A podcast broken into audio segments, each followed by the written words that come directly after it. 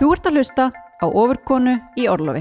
Ég heiti Bjargæ og í þessum þáttum ætla ég að fá til mín skemmtilega gesti sem hafa eld ástriðuna og látið drauma sinna rætast. Lífið er engin glansmynd og það eina sem ég veit er að það er svo miklu skemmtilegra eftir ég fór að vera ég sjálf, sendi ofurkonuna í frí og keipti mig nýja skó.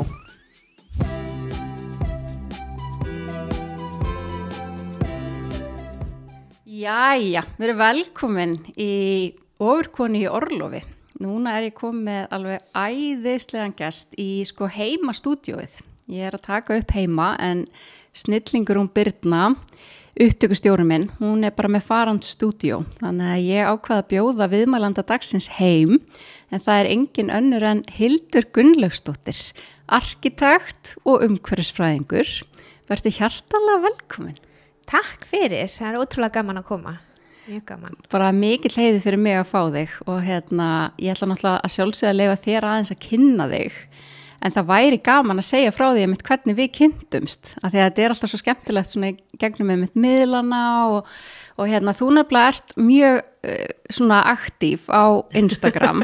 Ert með, hvað heitir það, hvað svo heima eða ekki? Jú. Já, og ég byrjaði að fylgja þér á Instagram bara fyrir löngu, löngu síðan og mér fannst alltaf svo gaman að sjá þú ert að gera svo fallegt á heimilin ykkar og allt föndrið sem þú gerir. Þú veist, geggiðu koktelarnir og bóðin og matabóðin og ég, sko, ég horfi alltaf á Instagramið þetta og ég er bara svona má ég fá smá af þessari orku sem að Hildur hefur? Því að þú ert bara allt í öllu og þú gerir það svo vel. Æ, það er svo gaman að sjá bara hvernig þú gerir það allt.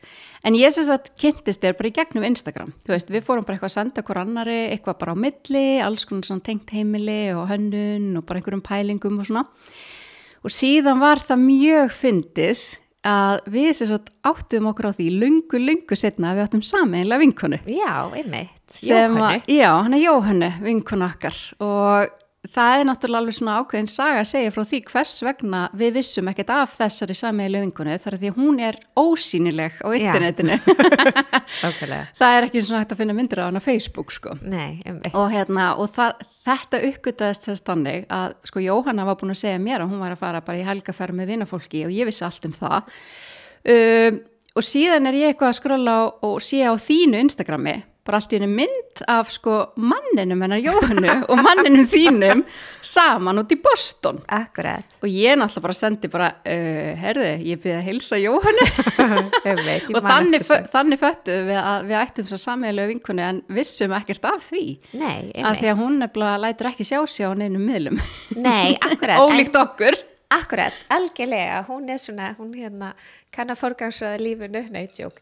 En hérna, nei, það var ótrúlega gaman. Ég mitt mann eftir að fengja þessi skilabóð. Ég er bara, Jóhanna, heyrðu, býttur við. Já, það var mjög skemmtilegt. Já. Það er Jóhanna indisleg, þótt hún sé ekki á Instagram. já, hún er yndisleg og ég held hún sé aðeins að koma til ég Já. held hún sé búin að opna Instagrami sitt hún gerði það allavega og, og síndi einhverja svona sæta myndir úr bústanum og þannig Já, þannig að ég held að þetta sé nú alltaf koma ég spyr hann um leifi hvort ég með ekki deila Instagramin hennar í story svo að hérna, fólk getur nú séð myndir Nákvæmlega. af þessari fallegu vinkun okkar sem að fer huldu höfði Einmitt, algjörlega, hún er dásamleg. Já, en hún er algjörlega dásanleg. En bara svo indislegt að við séum loksins að taka upp spjall því að mér langar að spyrja þeim svo margt. Bara En endilega. hver er Hildur? Viltu segja mér aðeins frá þér og, og hérna, já, bara kynna þig svona almennilega?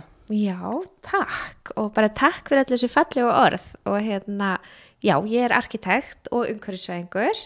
Ég er hérna eftir, ég kláraði nefnilega arkitektu 2008 akkurat í hruninu, þannig að þá var ekkit annað að gera heldur en að fara í meira nám og verða líka umhverfisvæðingur. Mér varst einhvern veginn passa svo vel út af því að strax þarna á þessum tíma og byrjaði að tala svo mikið um mikilvægi þess að vera umhverfisvæðin í allir uppbyggingu og skipulagi og þess að þar og ég veði að réttan hest held ég út af því að arkitektur í dag snýst um mjög mikið um þetta.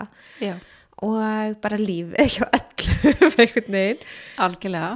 Og svo er ég bara, já, ég uh, reyk eigin arkitekturstofu með félaga mínum Bjarka Gunnari Haldursinni Mhm. um, og hún er bara ný en fullt að gera hjá okkur. Já, hvað heitir hún? Hvar finnum maður ykkur til dæmis? Já, ymmit, alveg. Stúdíó Jæja Já, og Stúdíó Jæja er alls ekki af duglegt og Hildur Gunnlaugsdóttir á netinu. nei, nei, Þannig að, hérna, þannig að það væri bara mjög gaman ef fólk myndi kíkja á okkur. já, algjörlega. En við erum með ótrúlega fjölbreytt verkefni og skemmtileg Mhm. og svo bara á ég hérna mann og þrjú börn og eitt stjúpson Mhm.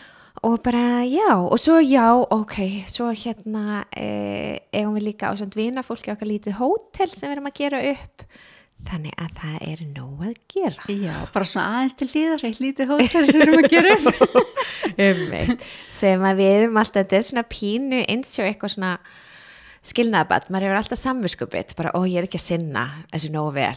Þú veist, þetta er alveg en já, en við erum að reyna að gera það ásandi að gera alls konar annað, maðurinn minn er líka hann er fastegnasæli og ótrúlegt en satt, þá er alltaf nóg að gera hjá honum, þrátt fyrir alla stýruvaksta hækkanir og allt þetta. Já, sem að því að hann hefur heldur ekki alveg mikinn tíma til þess að sinna þessu litla hótel okkar en, en við erum já, við erum alltaf að, bara að reyna og við erum að gera það upp líka já, og það sem þú ert einmitt búin að sína frá er svo ótrúlega fallegt, hvernig þú ert að gera þetta svona, þetta er svona notaleg stemming og ég hugsa alltaf þegar þú ert að sína inn í þessi herbyggi bara vá, ég væri svo mikið til að gista þarna bara til þess að kvíla mig, Ó.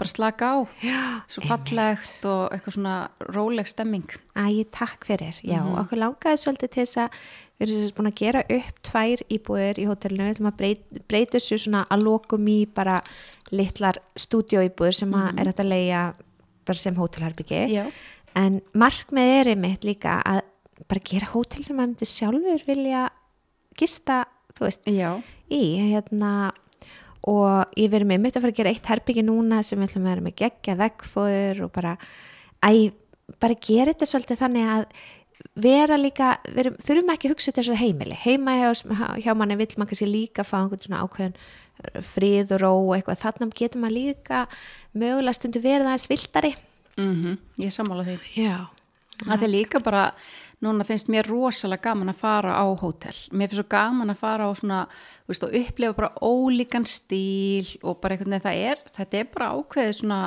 ævintýri að prófa ný hótel.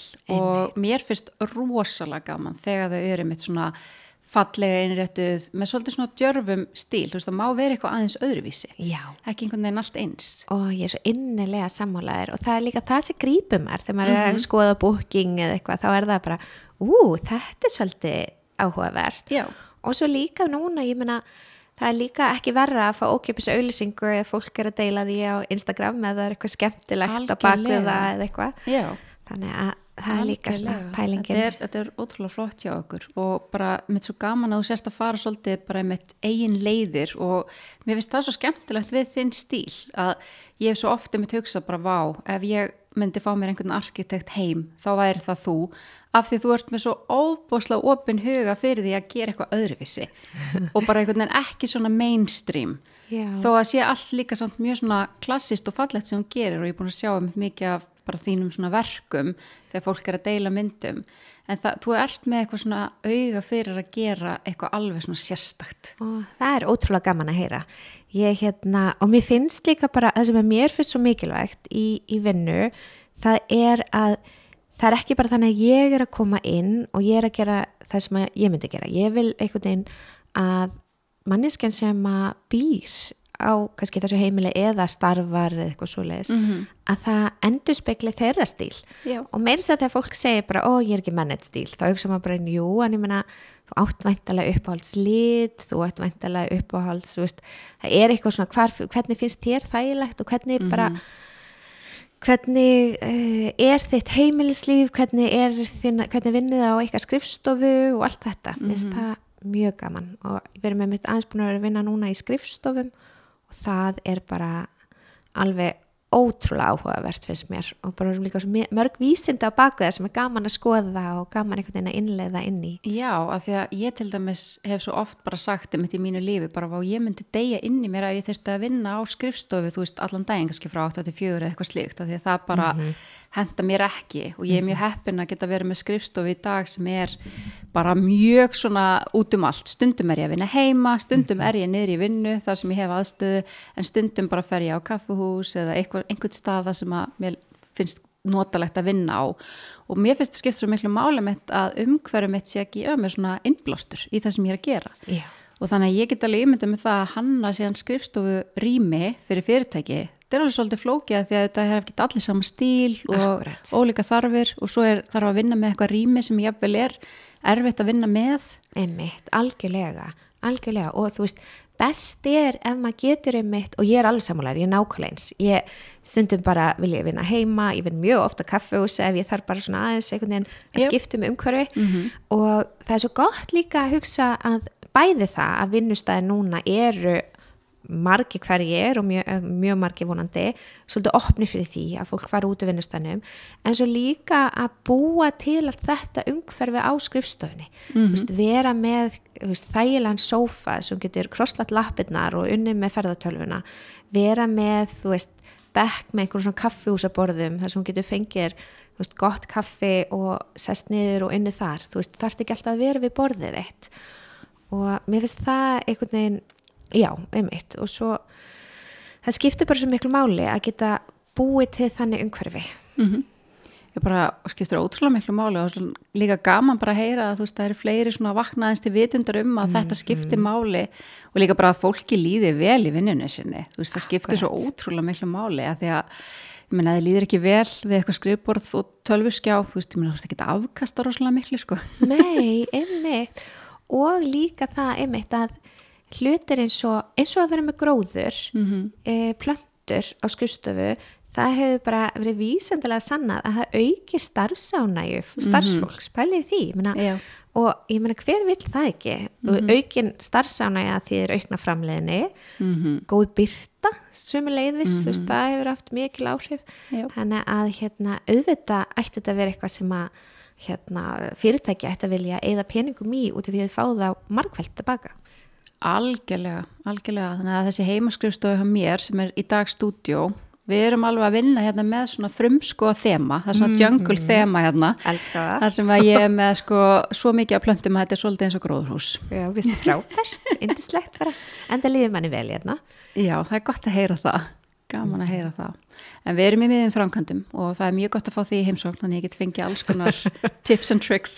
Já, einmitt. ég þekki framkvæmdur allavega Já, þú þekkir framkvæmdum mjög vel. Hvað eru þið búin að vera að gera? Veist, þú, hvenar fluttuðu í húsið eitthvað sem þú ert búin að vera að sína mikið frá ferlinu á Já. Instagram? Hvenar fluttuðu þið þangað? Sko, ég held að það hafi verið í lok árs 2019 þá vorum við flutt inn og hérna og þá var í rauninni hægt að búa þann inni en já, við tókum við húsnæði sem að hafi verið dánabú en síðan hefði verið síðan í svona herbyggja útlegu í nokkur ár eftir það. Ok, já. þannig að, og bara örgulega fínustu leyendur og allt það, en bara ekki kannski verið að ditta hlutum og svona. Og það var í rauninni ótrúlega frelsandi gott að fá þannig húsnæði þar sem að þurfti í rauninni að gera allt um, vegna þess að þá þurfti ég ekki einhvern veginn að halda upp á okkur ég þurfti Já. ekki að passa upp á okkur var bara rifið út. var bara rifið út, þú veist, það var ekki gólvefni á stærstum hluta.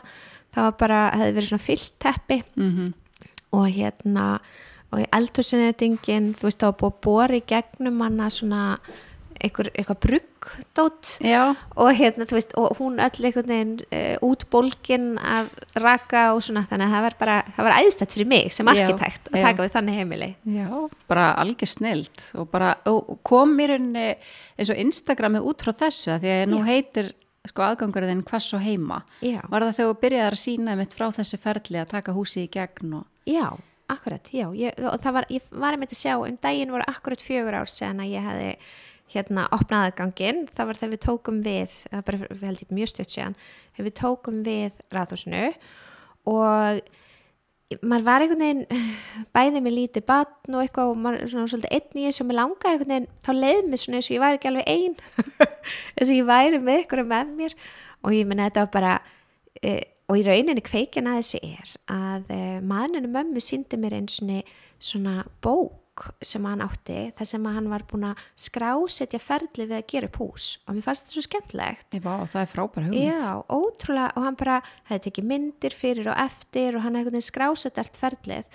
Og ég hugsaði, mér langaði að gera þetta en ég veit alveg hvernig ég er, ég myndi týna þessari bók og allt það, en ég hugsaði, ég býr bara til Instagram.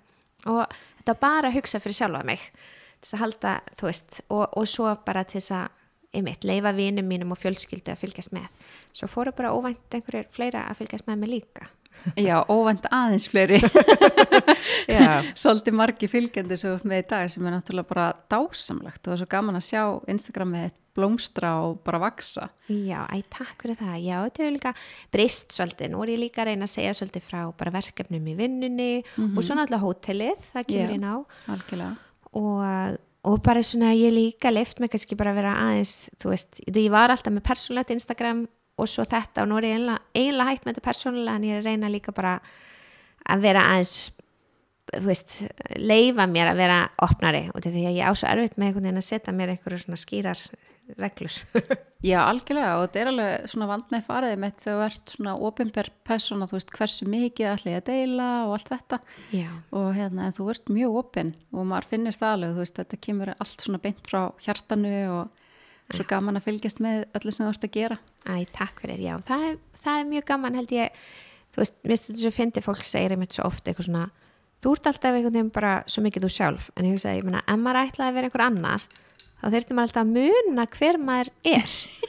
Það Þú verður svo mikið vinna. það væri svo ógislega mikið vinna ef maður væri alltaf bara eitthvað ok, byrju, nú við, já, hvernig tala ég? Hvað segi ég þegar ég er þessi? Ég bara, ég get það ekki. En ég er samt, það eru ákveðni hlutir, ég til dæmis sína ekki mikið frá, ekki það mikið frá börnunum mínum, til Akkurat. dæmis já, 12 ára dóttur sem að veist, ég spyr hann alltaf ef ég sína Já. eitthvað, bara er þetta í lagi? Og litlutum mínar ég er ekki mikið þú veist, ég sína alveg hvað er að gera og svona en ég til dæmis sína ekki mikið andlit eða og svona bara Já, aðalega út af því að ég hugsa bara ég veit það ekki, ég meina þær eru svo litlar, þær áðu ekkert því hvort að, þú veist, ég get ekki beint spurt þær, þannig að og svo á ég náttúrulega líka stjúpson og ég hérna ég til dæmis, þú veist, nú er stjúpsonu minn 13 ára og dóttir minn 12 ára Mhm. og mér finnst veginn, þú veist, þeir eru bara þeim aldrei að ég ég vil ekkit vera eitthvað að deila þeim of mikið, þú veist. Nei, og, og svo þótt að ég eigi vissulega svolítið í stjúpsinni mínum endur en bara indislegur strákur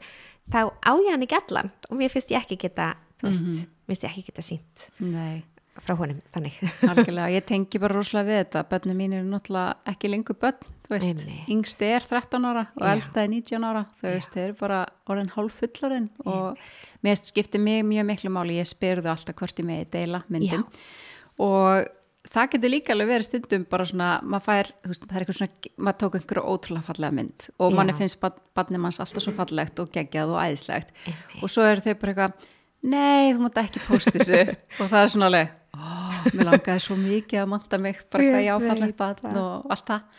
En þetta er bara lífið, maður þarf um þetta bara að virða þeirra friðhelgi engalífsins, mér finnst það skipta mjög miklu máli Já. að gera það. Hérna, Akkurat. Og ég líka bara svona svolítið að reyna áttum á þessu þegar ég var einmitt setta það alveg áður svo allt í hennu fatta ég bara veist, stundum að maður aðeins að átta sig á því hvað maður er að deila miklu minnst það bara fyndið, þú veist Já. en ég kannski hitti bara einhverja konu í kringlinni sem bara hæ, heyrðu, hérna og bara allir veit alls konar um mig þá er ég bara, oh my god, er ég búin að segja frá þessu öllu?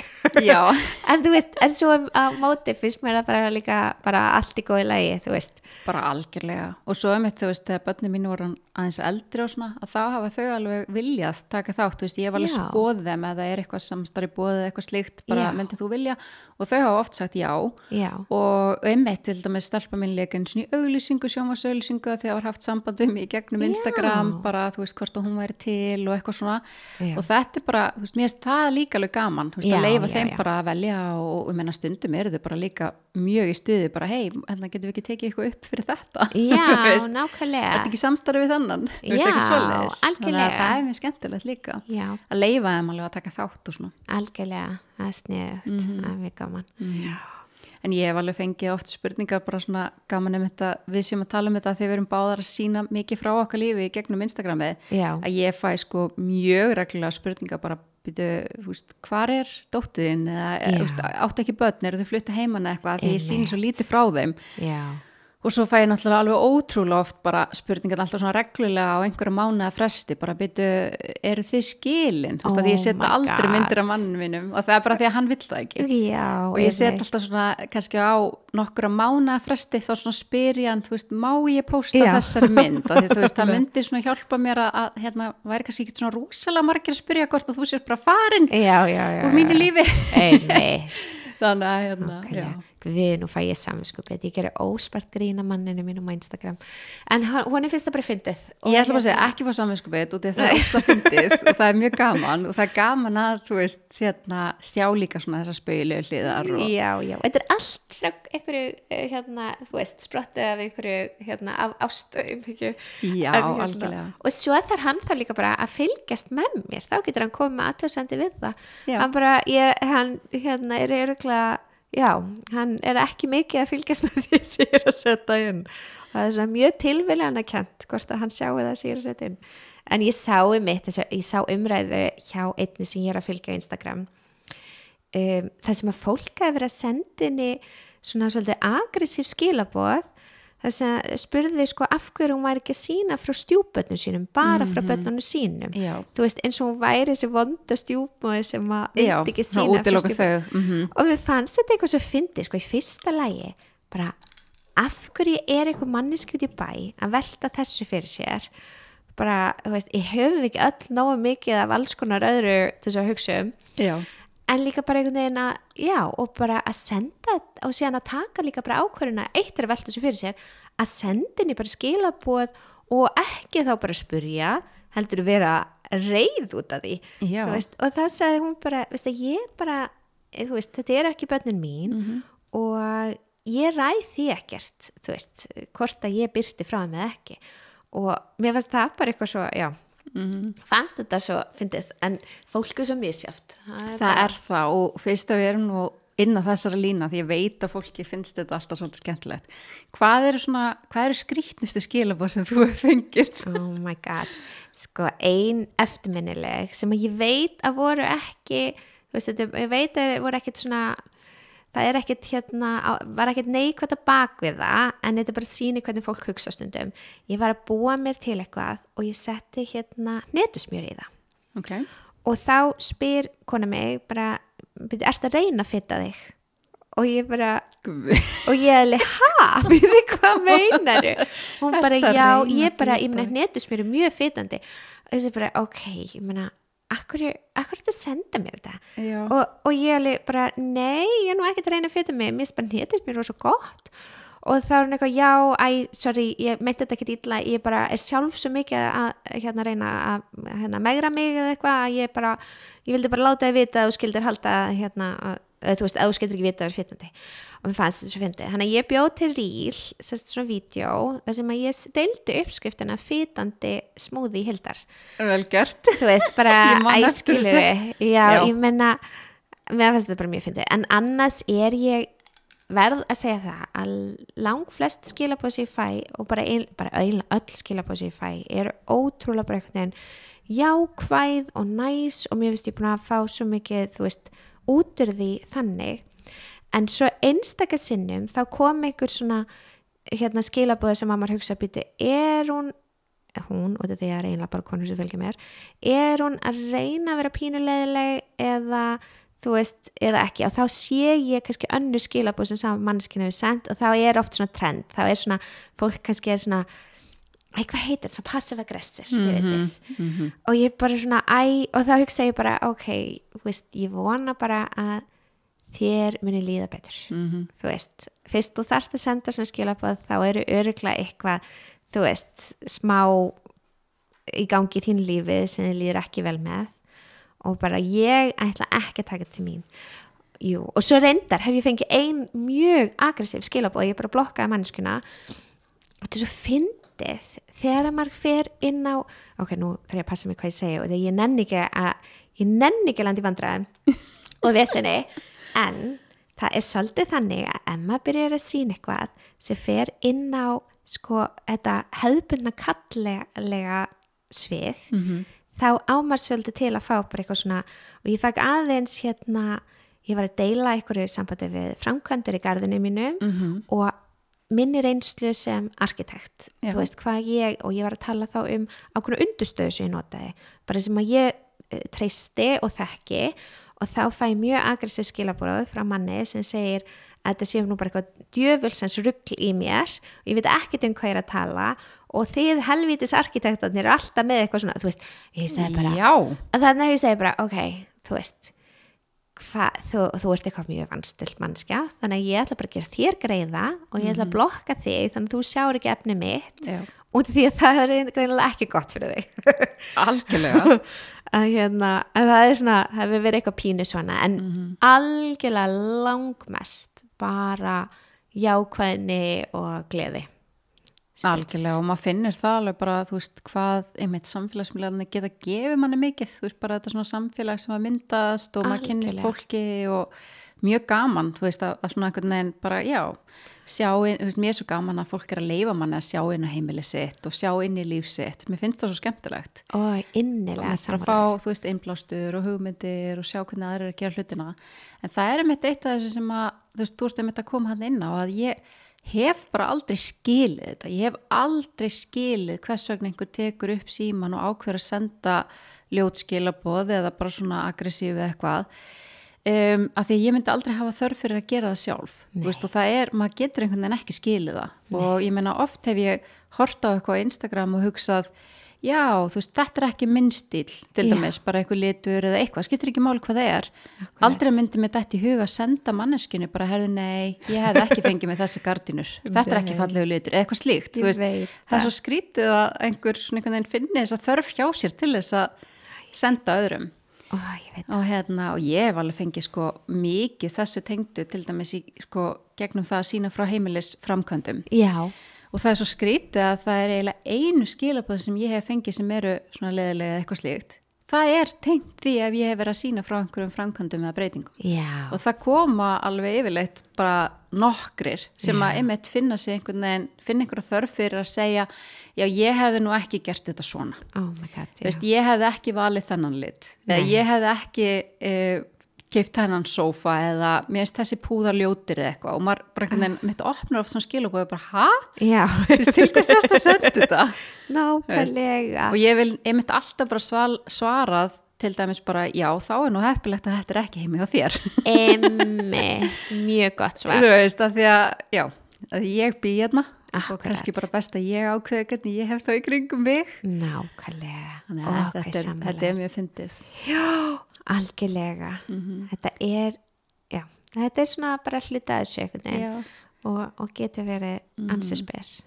En að þau erum að tala um bara heimili og breytingar og allt þetta og þú ert búin að vera í þessu ferli. Þú veist, hvað finnst þér þú gera falleg heimili? Hvernig, þegar þú kemur inn á heimili, hvað er það sem að þér finnst vera fallegt og hvernig svona sér þú þetta? Þú veist, fallegt heimili og... Já, mér finnst uh, mikilvægast að ég sjá einhvern veginn manneskuna sem að byrðar. Mhm. Þú veist, ég sjái það í, þú veist, því sem að þau hafa valið sér inn á heimilið, ég, að ég sjái, þú veist, já, bara persónleikan. -hmm. Og persónleiki þarf ekkit alltaf að vera að þú sért með skergula veggi. Þú veist, persónleikin er bara liggur í því að þú veist, þú ert með eitthvað eitt sem að amma er nátti, þú ert með einhverja, þú veist, þú er áhuga á plöntum og ég sé þær, þú veist, allt þetta. Mér finnst það einhvern veginn vera um, bara ótrúlega mikilvægt og svo eru náttúrulega bara alls konar hlutir í sambandi við falli heimili, ég meina hvernig er aðra öllu upp, hvernig er flæðið, hvernig er byrtan, hvernig er, veist, allt þetta og það er ímsar svona reglur sem má alltaf brjóta en, uh, en þetta fyrir mér er það mikilvægasta. Mhm. Ég er svo innilega sammálaður og mér langar að ég þarf eiginlega að spyrja þig hvaða orð þú myndir nota því að ég, ég er þannig að mér finnst bara þegar ég kem inn á heimili og ég hefur rosalega mikinn áhuga mitt á bara heimil og hönnun og hvernig fólk hefur í kringum sig. Mér finnst svo gaman að spá í því, þú veist, einmitt hvaða hluti fólk velur að hafa í kringum sig og bara, þú veist, hvernig þau raða þeim og allt þetta. Og ég er einmitt svona típa sem getur tekið bara marga klukkutími í að raða Já. þú veist að mér finnst það svo skemmtilegt og svona skipta um hluti og eitthvað en það sem að ég einhvern veginn upplifi að því að nú er bara fólk oft með mjög ólíkan stíl og mér veist svo margskonar heimili svo óbúslega falleg Mhm. að ég hef oft velt fyrir mig bara hvað finnst mér um að gera heimili fallegt og það er þegar ég upplifi að það er búið að setja svolítið svona ást og umhyggju í heimilið Já. þú veist, þú sérð það bara þegar þú kemur inn alveg sama hvað stíl er eða hvernig húsgögn eða bara hvað það er, þú sérð bara þegar það er búið að svona raða, það er búið að, að finna eitt fallegum hlutum sem að kannski eitt eru góða minningar og annað, Já. og finna þeim fallegan stað og þú svona einhvern veginn þú svona, einhvern veginn svona lappar um og þú finnur manneskjuna og þú finnur að hún er búin að setja vinnu í að gera þetta að heimili. Algjörlega. Og mér finnst það mitt mörg, mörg heimili sem að er til dæmis bara óreiða og þegar fólk er að, þú veist, maður kemur svo oft til einhvers og það er bara, æ, fyrirgeðu drastlið og allt þetta. Já. en það er oft hlýlegustu og notalegustu heimilin af því að þú finnur bara að fólkið sem býr þar, það má nota heimilið. Já, og þú veist, og svo kemur maður kannski inn á einhver heimili það sem er allt svona alveg stífpússa þið vitið svona einhvern veginn og, og allt svo eitthvað svona stíft. Og mér fyrir ósjálfur rætt að líða eins og ég þurfa að passa mig að þú veist skemmi ekki eitthvað eða púðarnir eru of, þú veist raðaðir og maður upplifir bara já, og svo eru við til dæmis með svona heimilistemmingu hér með hund sem að þykist þeirra varðhundur enda mjög grimmur hundur Já, hann er svakalega grimmur. Já. En það sem ég var svolítið að leita með orðið, ég er nefnilega svo oft hérna bara hugsað um að kannski þetta á ensku, það sem við segjum sko homemaker, mér finnst það oft vera svona notað svona homemaker. Og ég hef oft hugsað um, þetta er svo fallegt svona orð, þú veist, þetta er einhver sem býr til heimili. Já, Að því að ég til dæmis myndi ekki segja uh, að ég sé húsmóðir, eða skilur þú veist, meina, þú veist, að því að ef ég Annað hugsa um húsmóðir þá finnst mér það svona vera einhver sem að uh, er kannski bara heima vinnandi og þú veist, það er bara geggjað og allt það. Já. en mér finnst það einhvern veginn ekki alveg til að vera rétta íslenska orðið sko yfir þann sem að svona býr til heimili. Nei, að því mér finnst það heldur ekki að vera eitthvað kvennlegt orð af því það eru líka menn og kallmenn sem að Já. gera heimili að þú veist því sem þau eru. Algjörlega. Að svona ég hef oft hugsa bara hvað er eiginlega homemaker á Já. íslensku? Við þurfum eitthvað svona orð. Við þurfum eitthvað orð, það er mjög sneðugt og því að þetta er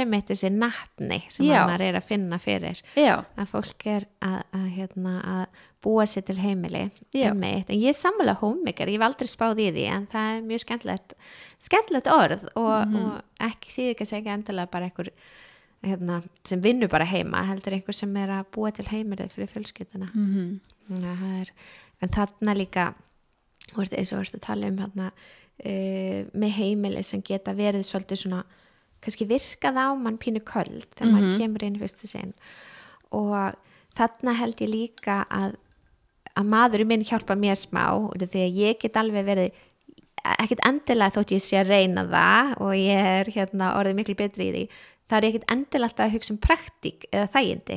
Ég, me- hef, þú veist, ef ég fengi ráðu öllu þá væri aðeins meira bara þú veist, sófin væri óþægilegri veist, það væri það er alls konar svona hlutir sem einhvern veginn já, eru, þannig að þá er svo gott einmitt líka að vera í þessu saman og, og hugsa um bæði bara nótkun og þægindi en um leið líka hvernig þetta lítur út. Mhm. þannig að það er alveg og ég hef alveg komið inn á heimilega sem ég hef hugsað ég mitt bara, ok þessi hefur gert allt eftir bókin eða rétt þú veist, þá er kannski bara ákveðin húsgögg sem eru þykja einhvern veginn, þú veist smart, það er ákveðin listamæður sem þykir smart.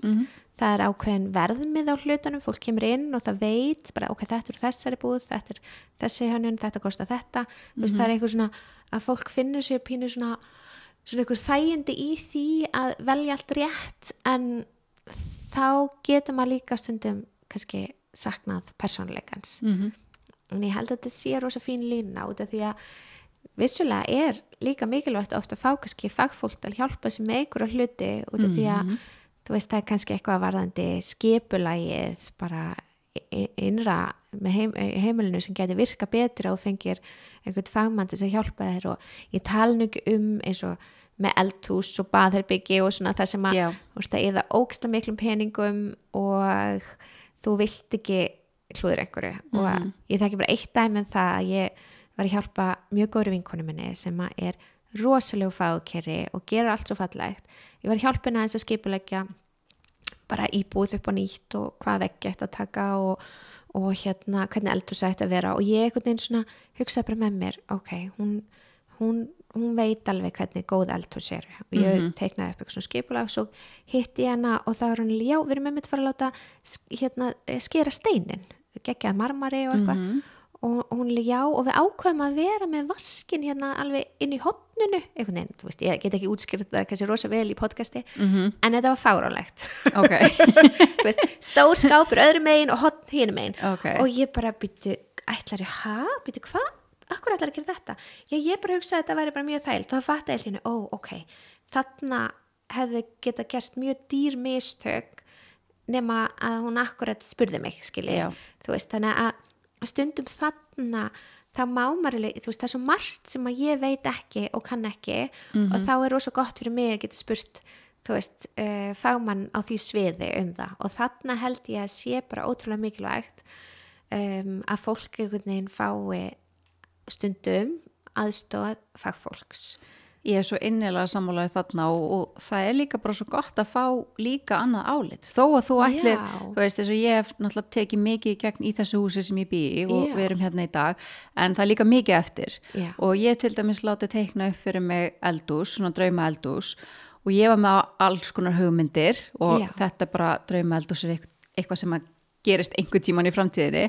Og svo þegar ég fór um þetta og, og let svona fara yfir og arkitekt sem skoðaði og bara, þú veist, þá kom bara fullt af hugmyndum bara já en þú veist það er betra að hafa þetta hér og Já. þú veist það er betra að hafa þetta göngurými á milli til dæmis eða þú ert að hugsa um uppþáttuvel og vaskur og ískapur og það er svo bara margi þætti sem að þarf að hugsa út í. Já, þú veist, og hvernig það einhvern veginn verður síðan svona í funksjón, þú Já. veist, sem að maður oft fattar ekki þegar þú ert bara að spá í útlitinu. Einmitt. Að það var svo mikilvægt að fá fagfólk til þess að aðstofa sig. Já, og minnst það líka með, með baðherbyggi að það, þú veist, maður þarf að hafa þau vel skipilöð núna er ég með tvö baðherbyggi og er búin að taka eitt í gegn og Já. mér ána með það.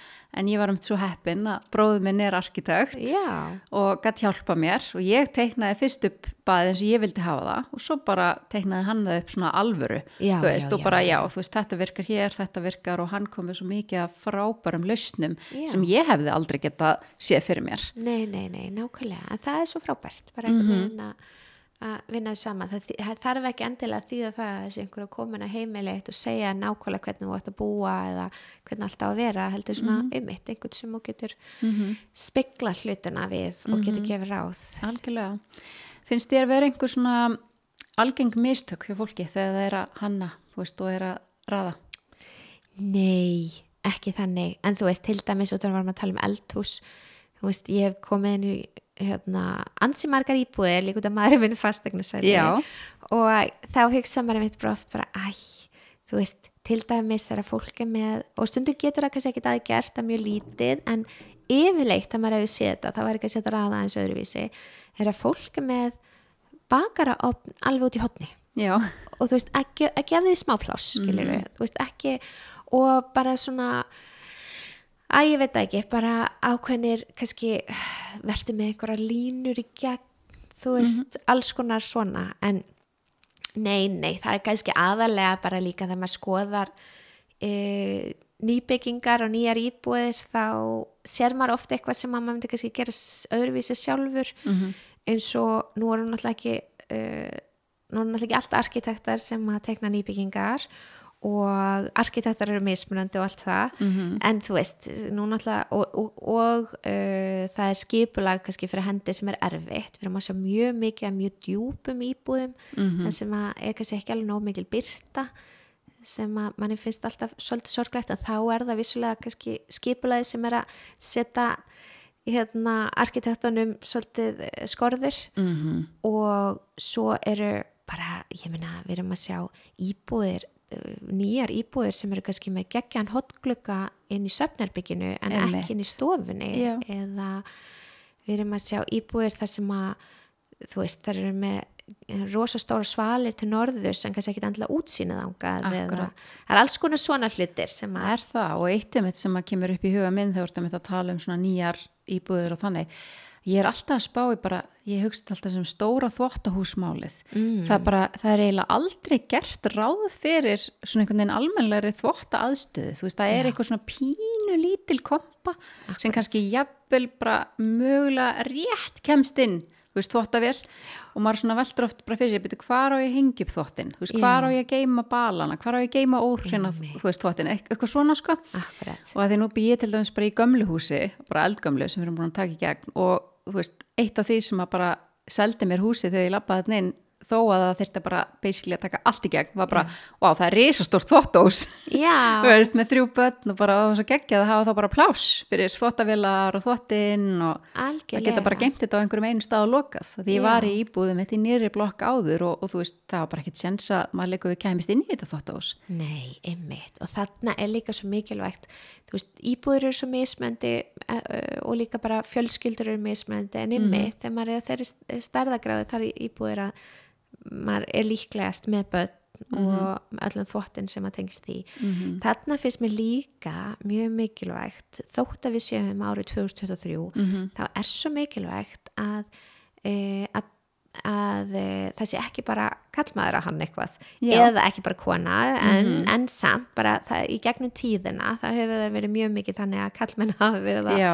og sérstaklega náttúrulega gamla daga en þú veist þarna er þetta samt þú veist það eru ákveðnu hlutir ég meina hvað er ég um að geima kerruna Mhm. þú veist á Já. ég að þú veist erum við með eitthvað pláss fyrir það hvað er við að einmitt hengja upp þvottin Mhm. það er alls konar svona hlutir sem að þá er svo mikilvægt og líka bara í, nú hef ég unni mikið við skipulag í borgarskipulagi þá Já.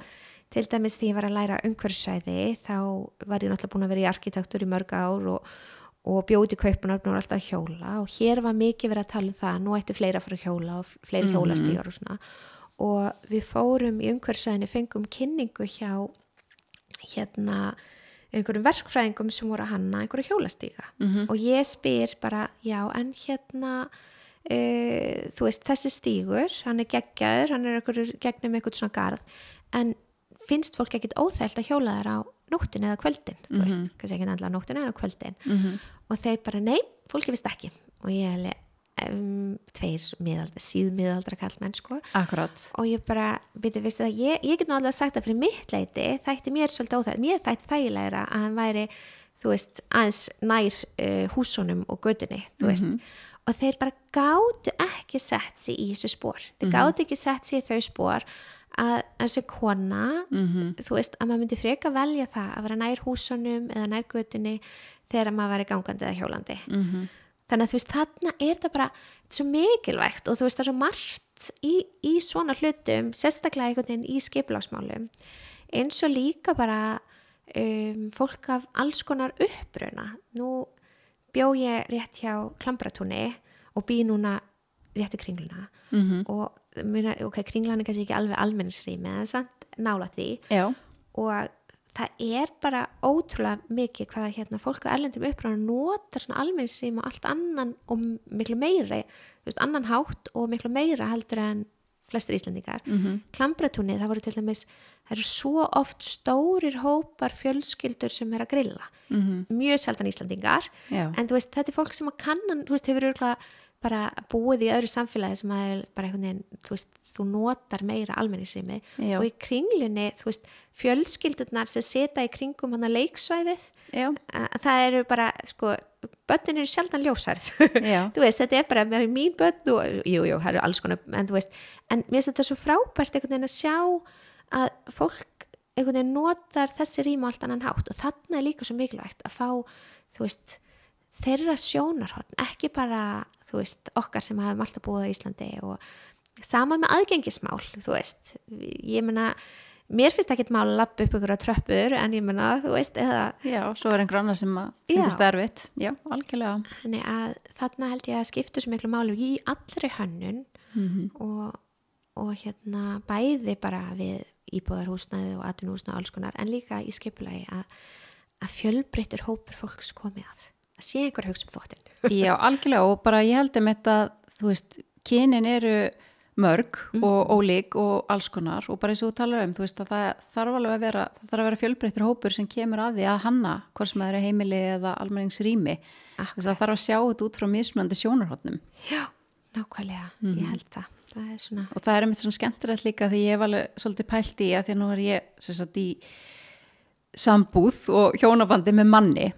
Og ég hef svo oft pælt í einmitt hvernig við sjáum hlutina svo ótrúlega ólíkt. Einmitt. og einmitt það sem að mér hefur kannski fundist vera eitthvað sem að bara þarf að laga og eitthvað svona forgangur en hann bara skilur ekki, þú veist, finnst það bara að vera mjög svona eiginlega bara basically tilgangslaust. Já, já, já. Og ég held um þetta að það geti verið mikið bara með tengti að þú veist að kannski erum við bara líka með svona ólíkar þarfir Já. og ég til dæmis hérna, ég vil hafa rosalega gott rými fyrir fötin mín og ég vil raða þeim á ákveðin hátt og, og ég vil einhvern veginn bara svona að hérna, ég geti haft gott aðgengi og þetta sé sjónrænt Mhm. og manna hann er bara svona hendur þessu þú veist inn í skáp helst krumpuðu sko Já. og ítir á eftir veist, Oh og ég þarf að, já, og ég þarf svona alveg ertu til í að taka til í fataskapniðinum bara ha, af hverju, ég veit alveg hver allt er. Já, Þú veist, þarna kemur svona smá munur þú veist, hvað honum finnst þér mikilvægt og hvað ekki. Algjörlega. og svo þegar ég hef kannski mitt verið að segja, herðu, mér vantar hérna, þú veist, góða hyslu fyrir skó eða mér vantar fyrir þetta. Það er bara, ha,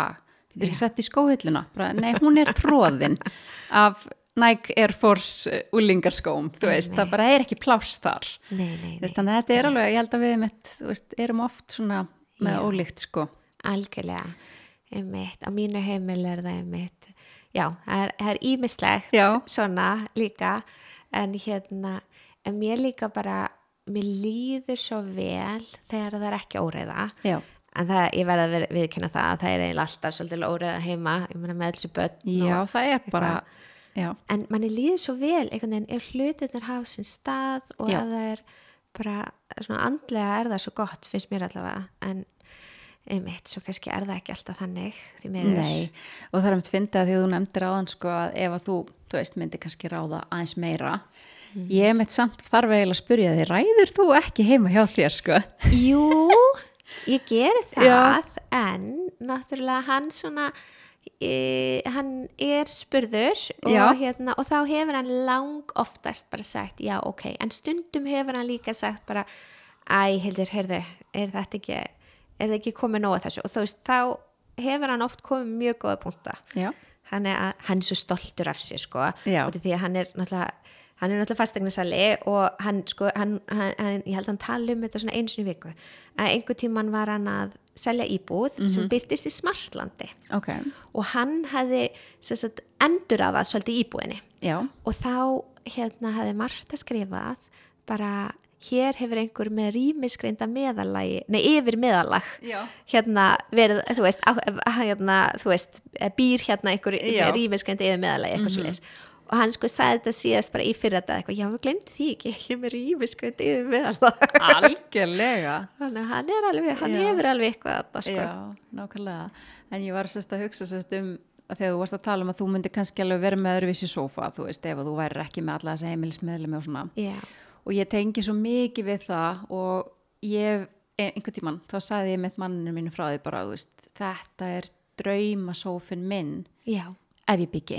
Einmitt. Og hann bara svona, ha, hvað meinur þau? Þú veist, fannst þetta eitthvað svo skrítið að ég væri að segja, ég bara segi, já, veistu, ég bara nenni ekki að hafa hennan sófa hérna með ykkur sem að skítið allt út og Oh eru alltaf með skítið að sokka upp í, upp í sófanum og, og matinn og allt og ég bara, þú veist, ég myndi bara ekki nenna að eiga hennan sófa því að ég væri alltaf að nálum Einmitt. að bara hann væri ekki nógu snirtilegur og svona. Og þá fyrir ég eitthvað svona að segja honum frá þessum bara mínum viltu draumum, bara sko draumastofan mín ef ég væri ein, Já. skilur þau ég held alveg að við margar konur eigum alveg svona drauma um eitthvað rými þar sem að veist það er bara gengið fallega um þar það er ekki bóði að ganga illa um. Nei, og svo oh bara er það náttúrulega ekki raunhæft þú veist, þú ert með börn og, og eins og hjá mér bara hund og alls konar, þú veist, bara alltaf stöður umgangur og þú veist, maður langar kannski alveg í eitthvað eitt en þú veist, það væri bara ekki að ganga Nei, um veit, það þyrfti eiginlega, maður þyrfti eiga svona vinkonuhópa sem myndi bara slá saman í, Já. í þessa íbúð, þú veist, þess að maður myndi Já. bara, nei, um veit, og ég er svo samanlegaðir og ég með þarf svolítið að hugsa bara, ok, ég get ekki átt svona púða út af því ég get ekki sett á í þóttavélina mm -hmm. veist, ég get ekki átt þetta út af því ég get ekki Mhm.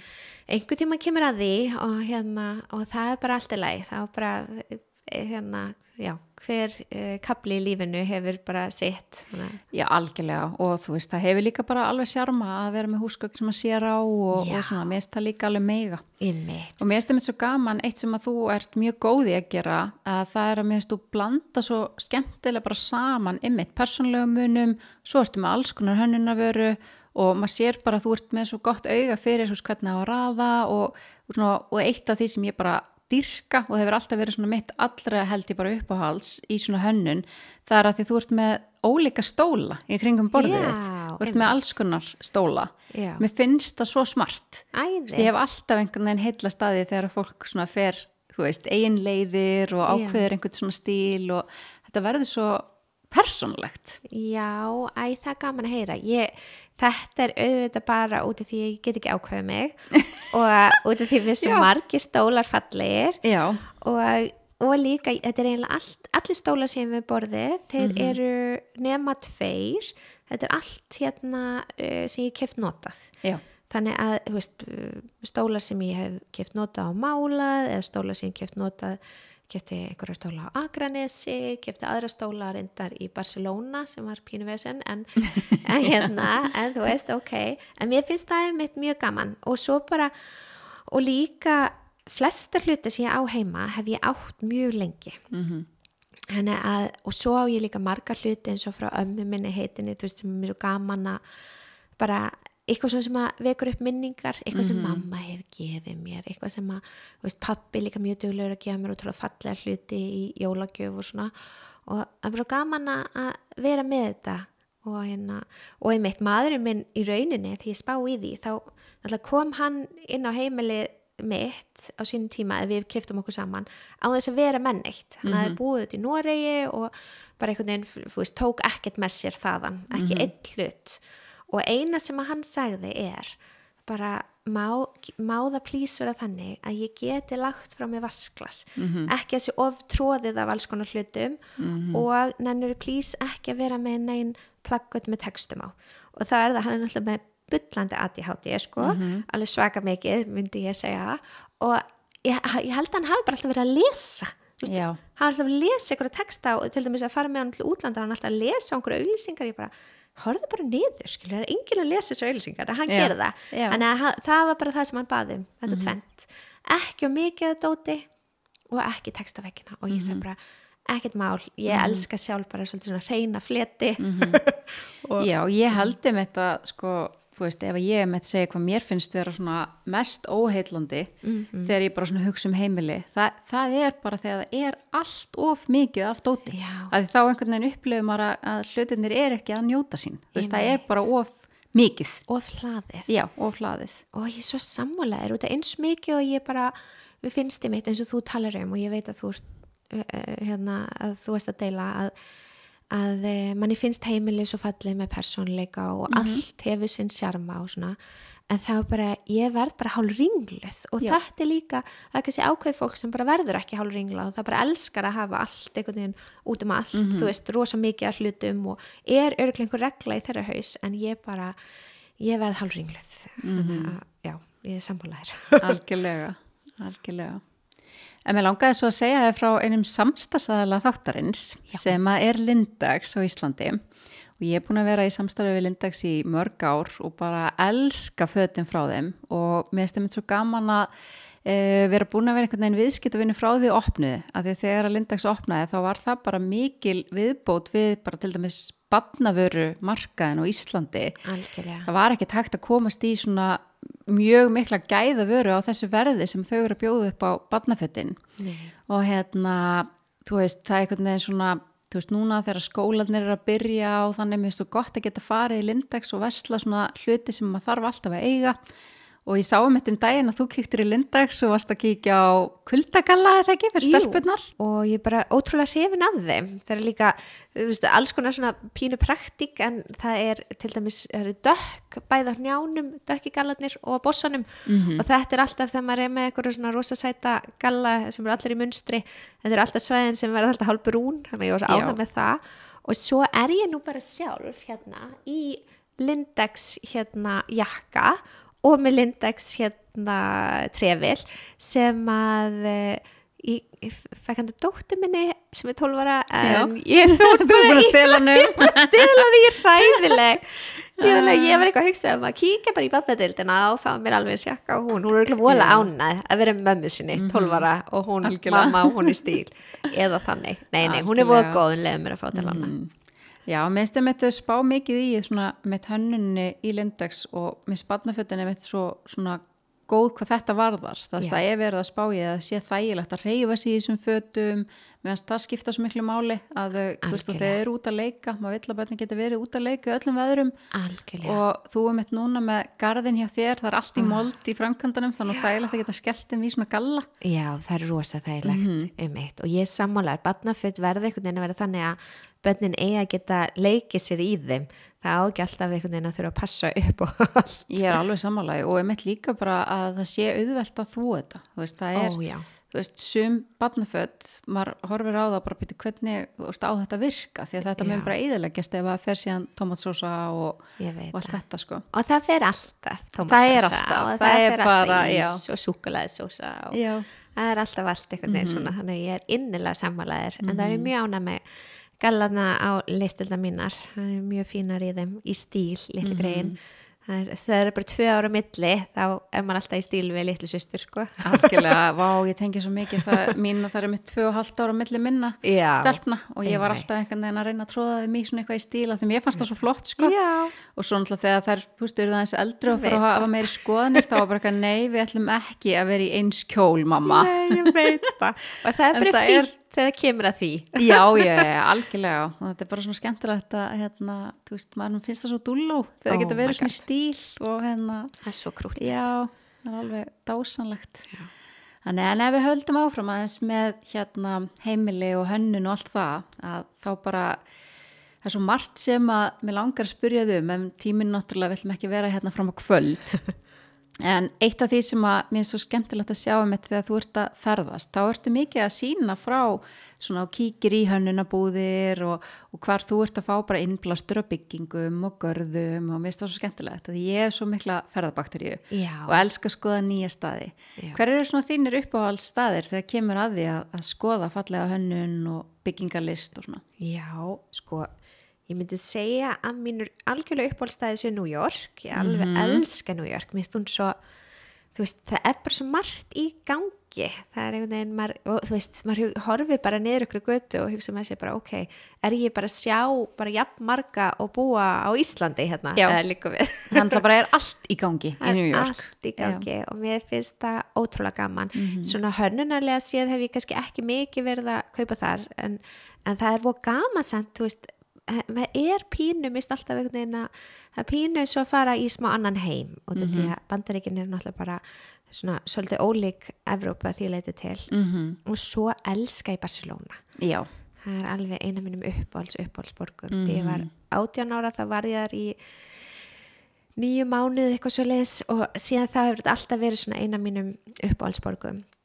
Og svo finnst mér Gautaborg geggjöð já, ok, ég hef aldrei komið til Gautaborgar. Nei, hún er svona svolítið setni tíma þú veist, Já. uppgötun Mhm. um, náttúrulega ég ólst upp að hluta til í Kaupmannahöfn og var í námið þar og svona Mhm. en einhvern veginn var ekkert mikið að fara til Gautaborgar uh, kannski sem krakki en svo svona í setni tíð hef ég aðeins verið að fara til Gautaborgar og hún er svo, þetta er svo dásamleg borg þú veist, hún er bara lítil og þægileg og ótrúlega mikið gaman margt gaman að skoða af hérna, af búðum og þannig þannig að- Já, gaman að heyra þetta, maður er svo gaman að fá hugmyndir. já, Það Alveg.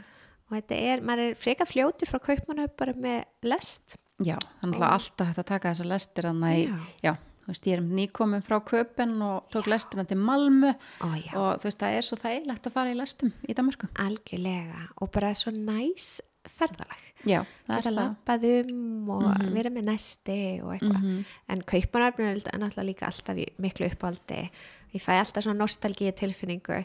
Nostalgían var alltaf sko bara frá því því ég var bann en núna er hún alltaf líka frá námsárunum. Algjörlega, algjörlega. og það er alveg indislegt að vera þar. Það er náttúrulega mjög gaman að skoða alls konar hönnunarveslanir og þannig. Og svo bara elska ég einhvern veginn að ég finnst ótrúlega gaman að fara á söfn og skoða ný hverfi. Ég reyna að gera það líka svolítið mikið þar, í þeim borgum sem ég fer til. Mhm. sjá bara hvað eru aðrir að gera. Hvernig eru aðrir að skipuleggja hvernig eru aðrir að byggja. Og hérna. Ég hef mitt svona velt þessu fyrir mér þegar ég fylgist með þér á einhverjum ferðalögum og svona. Og jafnvel ertu kannski fríi, þú stundum ertu í vinnuferðum og þannig, en ég velti þessu mitt svo oft fyrir mér, þú veist, hugurðin eru örugglega alltaf í vinnunni, að þú ert alltaf að horfa í kringum þig, þú veist, á hugmyndir og innblástur og þú veist, já, maður, þetta er eiginlega bara svolítið þannig vinna. Já, sem arkitekt þá er maður einhvern veginn maður slekkur ekkit á því. En hérna en það er einmitt uh, pappi er arkitekt líka. Mhm. og hans hefur einmitt oft sagt að það er svo svolítið erfitt að vinna við áhugamál sitt. Já. því að þá er maður aldrei í fríi. Mhm. en það er um leið líka bara algjör forréttindi að fá að vinna við áhugamáli sitt. Mhm. þannig að það er mjög gaman. Og ég er rosa heppin að maðurinn minn leif mér að teima sig á alls konar, ég hef líka bara mjög gaman að listasöfnum og þannig, hann, hann hefur gaman að því. Og það sem fyndi, þú veist, hann einhvern veginn í sí- sínu fyrra lífi þá held ég að hann hefði eiginlega bara aldrei farið á listasöfn. Akkurat, þú veist, það liggur við að ég þurfti að segja við hann bara, heyrðu ekki verið að snerta þessi málverk eða ég segir Já. svo, eða þú veist. En, en samt svo gaman að finna hann bara, þú veist, hann hefur alveg ótrúlega gaman að því og, Mhm. og samt sko, líka hérna, mjög ólík líka, þannig að til dæmis ef við farum til bandaríkina, þá vakna ég náttúrulega alltaf bara klukkan fimm á mótnana eða eitthvað. Mhm. og fer út, þú veist, þá fer ég bara og skoða borgina og meðan að hann sefur lengur, hann sefur bara já, sefur það lengur og, og næra slaka á, það er það sem hann vill fá út úr þessu fríi, það er að slaka á að meðan að ég á erfitt með að vera kjör og fer bara Já. út og skoða borgina. Algjörlega, já, þannig að það er já, en mér finnst, ég er í mitt að fara ég er að fara á morgun í fyrramálið, eldsnemma til hérna Hollands. Vá, æði, já, og gaman. hvert var að gera í Hollandi? E, ég er að fara heimsækja ég er að fara með dóttur minni og hún má ekki vita þessu og þetta er óvart. Að fara að heimsækja bestu vinkonennar og mömmennar út í Hollandi. Þau, fluttu til Hollands fyrir ekkert svo lengu og það eru akkurat einmitt einar heima mm -hmm. maðgurnar núna um helgina hann við ætlum að fara og vera með þeim. Æðislegt, og það er sko búið að plana alls konar listasöfn og alls konar skemmtilega hluti þannig að það verður mjög gaman. Já, ég tengi alveg rosalega við um þetta, ég elska listasöfn og garða, mér er svo gaman að skoða svona já. almenningsgarða. Og hérna og það hefur alveg verið gert grína mér í gegnum tíðina með, með þessi listasöfn og þannig áhuga því mér finnst þetta svo skemmtilegt og ég ætla að taka mitt eitt dæmi sem að ég held að sé nú kannski mitt ekki algengt að því ég var í mentaskóla þá var ég að læra frönsku Já. kann nú vallast takt orðið frönsku í dag en það er nú ennur saga og hérna það var val áfangi þú veist fyrir þá sem að voru í frönsku að taka svona auka áfanga það sem að fara síðan til Parísar í eina viku oh. Og þetta var bara geggjað veist Já. og það var þetta bara ótrúlega mikið planað og það var farið á fullt á söfnum sem að mér varst virkilega skemmtilegt svo var einn frítagur og þá voru eiginlega bara flestir sem fór í búðir en ég, eina nördið, Já. listanördið ég fór aftur á lúr Ah, til að skoða betur málverkin og bara, þú veist Já. mér finnst þetta eitthvað svo geggjað Já. og ég held að þetta sé svona gott dæmi um það þú veist að meira segja þegar ég var unglingur þú Já. veist, þá var ég aðeins öðruvísi en hinn sko. ég nefndi ekki búðunar Þannig, að- en mér er svolítið gaman í dag að, að því að ég er alltaf að draga fjölskylduna mína á einhver söfn og eitthvað að þeim finnst þetta orðið ótrúlega skemmtilegt já, og krakkarnir byggja alveg um þú veist, mér hefur finnist gaman að því við höfum kannski verið að plana einhverja ferð og þau um eitt spurja bara hvaða, hvaða söfn eru, þú veist, hvað eru að fara að skoða? Hvað er merkilegt að skoða? Og byggingar og svona, þannig að það er alveg mjög gaman. Einmitt. Þau hafa líka áhuga, þó þau vilja svo sannarlega líka fara í búðunar oh my god, já, já, já, já, algjörlega. En það er líka, og við vistum mitt söfninin á Íslandi er að orðin mjög góð í því að gera eitthvað fyrir börn og til dæmis hefur við farið í listasöfn Íslands þá eru þau með svona listaklúb þar sem mamma mætir og er að þá fá þau að, þú veist, eitthvað verkefni að mála eitthvað og listasöfn Reykjavíkur hefur verið með svona bakpoka þar sem hefur verið að búa til alls konar hérna, einmitt svona skemmtileg verkefni og með alls konar hluti, þú veist, einhvern svona skrítin kíki sem átt að skoða málverki með og, og þetta gerir einhvern veginn bara að börnunum finnst þetta pínu ævintralegt Mhm. og ég tala nú ekki um söfn náttúrulega viða annars þar eins og í kaupmanöfn eru söfnin náttúrulega bara einhver svona oft bara hálfgerð barnaparadís það er svo margt Algjörlega. fyrir börn bara svo mikið skemmtilegt að skoða sko. já, já, það er mjög gaman. Mm já, einmitt. Og, og handbóltamaðurinn minn hérna sem að einmitt hefur aldrei ímyndað sér að hann er einhver svona safnanörd, hann bara elskar þetta sko. Það er bara dásanlegt Já. gaman líka bara að prófa nýja hluti og sjá Já. eitthvað nýtt. einmitt, uppgötva já, ný áhuga mál Það sem að mér langaði með líka að spyrja þau um bara því að þetta er, þetta á að vera með hlaðvarp bara á mannlegu nótunum og ég vil alls ekki hafa þetta eitthvað svona óformlegt um, að þú veist þegar ég fylgist með þér, þú ert í alls konar verkefnum, þú veist, þú ert með þú veist, þína eigin stofu, ert arkitekt svo ert að gera fullt heima ert með börn og heimili og ert að ferðast á fullu, þú veist bara hvernig hvernig ferðu að þessu öllu? Já, um, oft veit ég það ekki alveg. Ég held að, ég segi það oft ef ég fengi svona verkefnistjóra heim sem myndi gera svona gamt hérna, dæmi hérna, þú veist, yfir allt sem er að gerast, þá myndi bara myndi manneskjan bara snúa sig að mér og segja, er ekki hægt, þú veist, það er ekki já. pláss fyrir þetta. Og verður að og, og ég, þú veist, og mér finnst svo gott hvað fólk er að tala mikið um þú veist, burnout og bara að hafa ekki of mikið að gera og þetta er ekki lengur eitthvað svona, svona virtue eða hvað maður segir, þú veist, það er ekki lengur bara þannig að allir vilja meitt vera einhver ofurkona og eitthvað, Já. þú veist, að maður þarf að horfa á svolítið þannig og ég held bara að sko í fyrsta lagi held ég að fólk haldi ofta að maður gera meira heldur en maður er að gera og það maður er að sína mikið frá hlutunum. Mhm. um, og svo og ég er að reyna að vanda mig við að sína líka hérna hliðina en auðvitað, auðvitað tekum að frekar upp skiliru uh, síman og tekum mynd ef það er eitthvað fallegt. Maður er ekki mikið Algjörlega. að taka mynd af dresslinu sínu. Ef maður skoða myndaalbum í fólki í- hérna frá því gamla dag það eru ekkert marga myndir af dresslinu Nei, nei, nei, þetta er, það er vissulega alltaf verið að sína en oft bara er alltaf mikið að gera hjá mér og oft Já. er ég bara alveg að bugast sko. ég var bara vera alveg heðaleg með það Mhm. og hérna maðurinn minn vinnur bara út í eitt Mhm. þú veist, hann bara kemur heim og vinnur meira og eitthvað og, og hérna og ég er mitt að reyna einhvern veginn svona að við erum búin að vera að fá fyllt af fínum verkefnum hjá nýju stofunni og er einhvern veginn að reyna að sinna öllu því og svo öllu öðru og, og ég meina til dæmis bara í hvað var það, í þar síðustu viku eitthvað, þú veist, nú búið að vera svo marga kynningar á skólastarfinu og leikskólum ég misti hjá þessu já, Mhm. ég misti af þessu öllum þremur starfbánum mínum Mhm. ég mætti, ég, hérna ég var að fara fund þegar þetta var hjá dóttur minni Mhm. og líka var búin að stengla með þessu og með aðra, þú veist, e- aðra leikskólabötn, annað leikskólabötnunum mínum þá stenglemdi ég þessu og hinni þá komst ég ekki ég var á leiðin á okkur fund Mhm. og það er bara smá lífið akkurat núna. Mhm. og það er bara, ég til dæmis búin að gera eitt sem ég er svo ógislega ána með. Ég fæ sko, ég fæ þrif í viku. Það var alltaf Já. aðra hverju viku.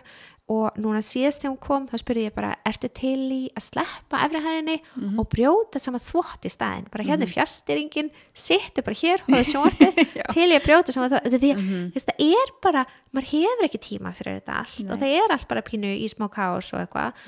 Og ég menna, ég ætti að vera að fara til útlanda á morgun en ég átti upp flugpunta og þú veist og ég, okkur býðst þetta og ég hugsaði bara ef það er eitthvað sem að maður á að gera þá er það eitthvað svona Algjörlega. veist, bara stökkva á eitthvað einhver ævintýri og kannski frekar að minga við sig einhverju öðru en ég er samt ekkert að fyrir minga við mig neinu eins og stendur en ég ætla samt að, veist, ég er alltaf að reyna að vanda með því að vera ekki að oflaða mig. Mhm.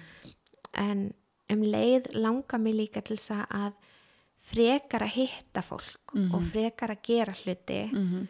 en, en því miður þá er það það sem oft einhvern veginn er ekki það sem að gerir. Af því að verkefnin einhvern veginn sem er tímafrestur á þau hafa forgang. En um síðustu helgi þá fór maðurinn minn með dætu minnar út til eiga var að horfa á svon sinn spila handbólta þar sem var frábært. Það fekk ég heila helgi út af fyrir mig bara heima. Ah, það var svo yndislegt, þú veist, ekki að ferðalagi. Mér leið ekki eins og ég þyrfti að skoða allt í heiminum. Þú veist, ég eldaði ekki einu sinni mat, hitaði eitthvað svona mögulega, skar eitthvað niður, punktur. Og ég bara horfði óslega mikið á sjónvarp og hitti mitt fullt af vinkonu mínum. Já, og þetta ég er með eitt sem ein vinkonu mér sagði mér um daginn og sagði ég með ég er bara með eitt vandamál heldur, ég á ofmarga vini. Og, en þú veist, en hún var samt bara hlæja og sagði bara, en þú veist, ef það er eitthvað vandamál sem maður vil eiga, þá er það og ég Algjörlega. smá það líka, já, mér bara mér langar svo að hitta allt þetta fólk og eitthvað. Og þá var bara indislegt, eiga heila helgi það sem að ég, ég mæli með þessu heima, mm ekkert veginn og bara hitta fólk og slaka á Þetta er svo dásanlegt, líka bara dásanlegt þegar maður gefur sér tíma til að vera með sjálfum sér og einmitt þá bara hitta það sem mann langar og svona. En ég held um þetta svona í þessu bara nútíma samfélagi sem við lifum í þá er þessi tímaskortur oft alveg svolítið hamlandi mitt þegar mann langar til þess að hitta alla og vera með öllum. Ég tengi bara rosalega við þetta að Algjörlega. maður hugsa svo oft bara, oh, það er svo langt síðan ég bauð þessum í mat og Já. veist, maður er endalist með samvinskubitið og allt þetta. einmitt, En maður þarf náttúrulega líka að setja kannski raunhæfar kröfur á sig, þú veist, hvað maður getur eitt miklum tíma í að hittast og allt þetta, sem er samt svo mikilvægt, veist, og ég er svo glöð að heyra eins og varst bara að nefna þetta með þrifin, Já. svo glöð að heyra og bara forgangsræður mitt hjá þér, bara herðu, ég fæ einhvern í þetta verk. Já, og þá hef ég meiri tíma til þess að sinna mínu, veist, það er, ég held að séum ekkert alltaf rosalega góð í því með þetta nei. fá aðstóð, alveg sama við hvað það er, sko. Algjörlega. Og líka eitt sem að hérna kannski uh, samstagsfélagi minn, hann Bjarki hann hérna hefur stund sagt við mig hann bara, ok Hildur, við tökum svona mikið á tíman Já, hvað mun þetta taka þig langan tíma?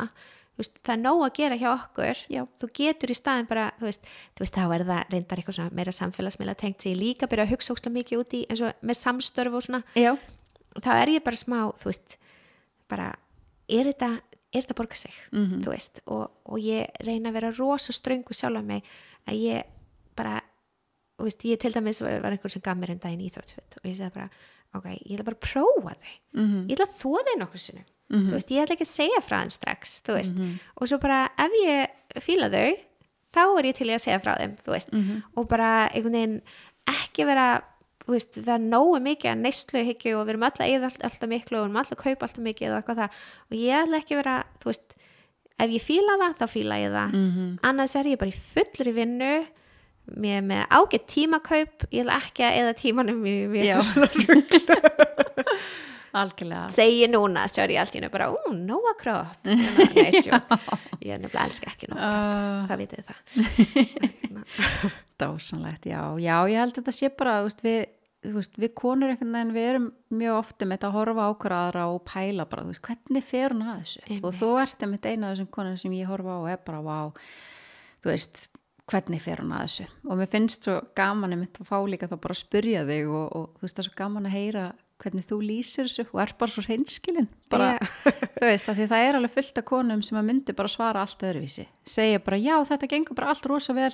Ég er bara skipulag í líkillinn Oh og bara, veist, allt þetta sko. Já, já. að, en svo er, er líka bara er það ofta ekkert endilega þannig. Nei, og það er bara innilega ekki þannig að mér. Þú veist, ef þú sérð mig út í garði að móka mold þá er allt í rúst heimi að mér þú veist, algjörlega, ef ég hérna, ef ég bara að taka hluti upp úr gólfinu þá er ég ekki að gera eitthvað annað þú veist, og ég bara já, og ég bara hreinlega einmitt er oft algjörlega að bugast.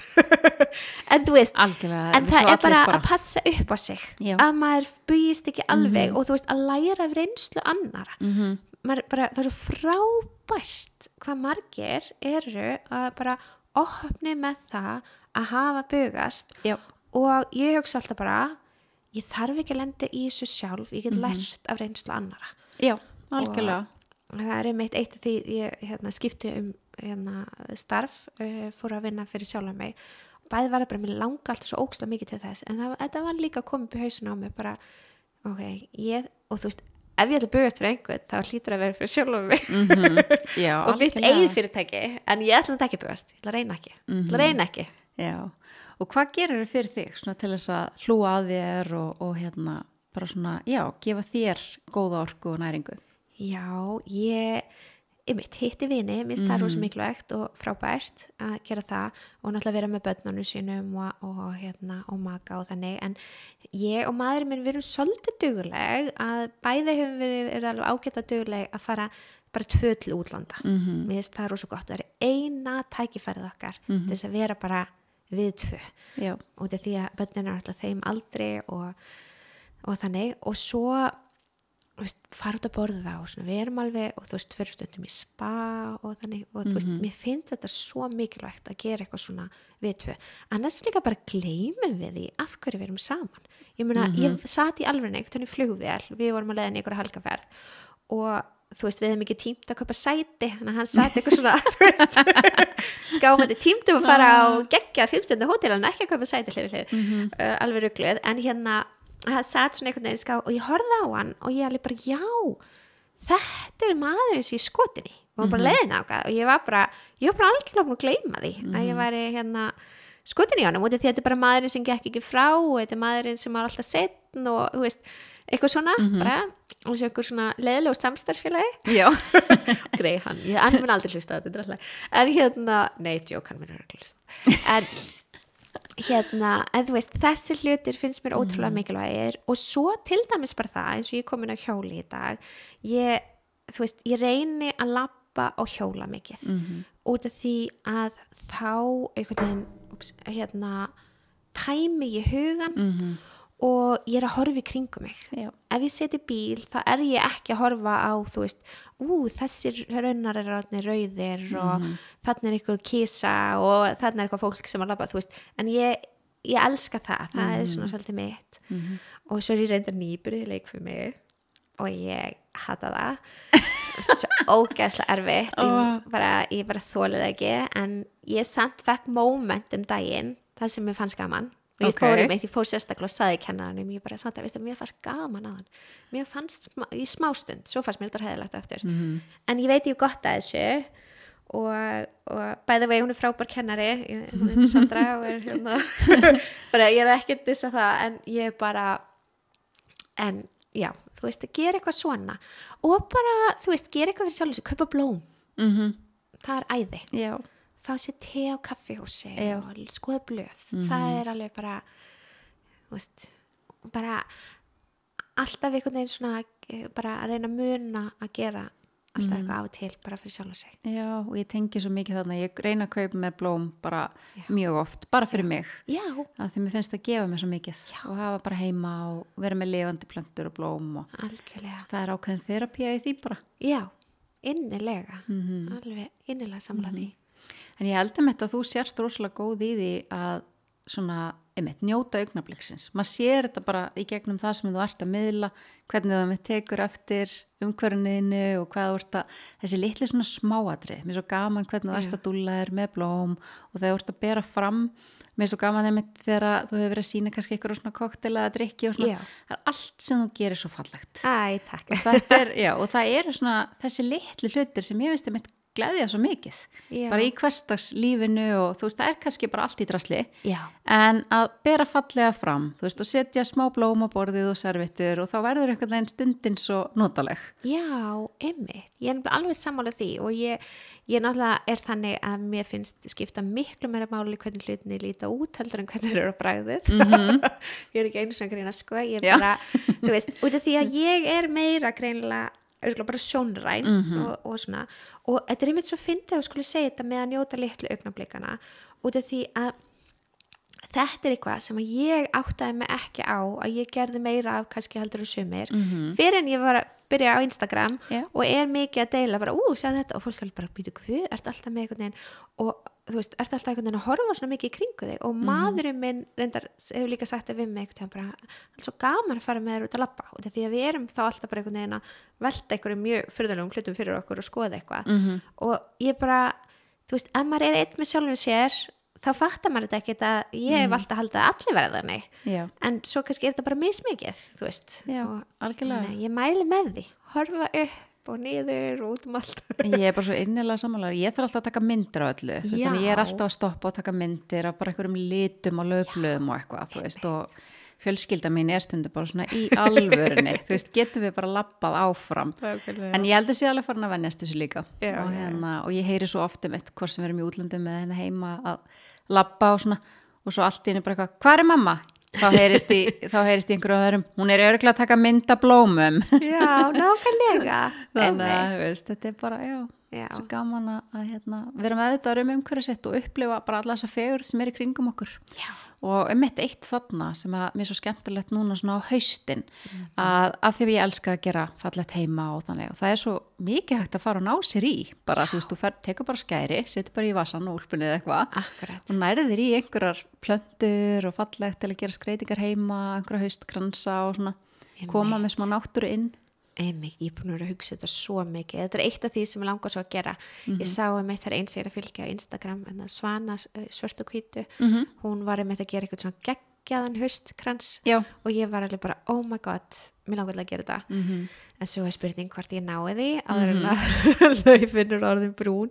En Algjörlega. ég þetta hún er einmitt með Ótrúlegt. svo fallegt Instagram Já. svana, svart og hvítu algjörlega og er bloggari á Trendnet Já. og ég er einmitt búin að byggja henni um að koma í þáttinn en, en hún sagði að hún ætlar ekki að koma alveg strax, hún er í pásu. Já, og já, bara já, hlúa sér sem er svo Frábært. óbóðslega mikilvægt að við gerum og við konur en það er svo gaman að fylgjast með henni og fyrir alla fagakera nútið þau eru ekki að fylgjast með Instagraminu hennar kíkið á hana. Innilega. Og einmitt er svo mikið í blómum og öllu þessu, öllu þessu fallega. Já, ymmit Mhm. og það er, já, það er, er svo gaman. Ég reyna að gera eitthvað eitthvað Mhm. haustlegt núna. Algjörlega. Og fyrst að við erum að tala um haustið og útiveru þá ætlum ég að koma að öðrum samstagsæðala þáttarins en ég er í samstarfi við Æsver á Íslandi og hérna ég elska útivistafötum frá þeim.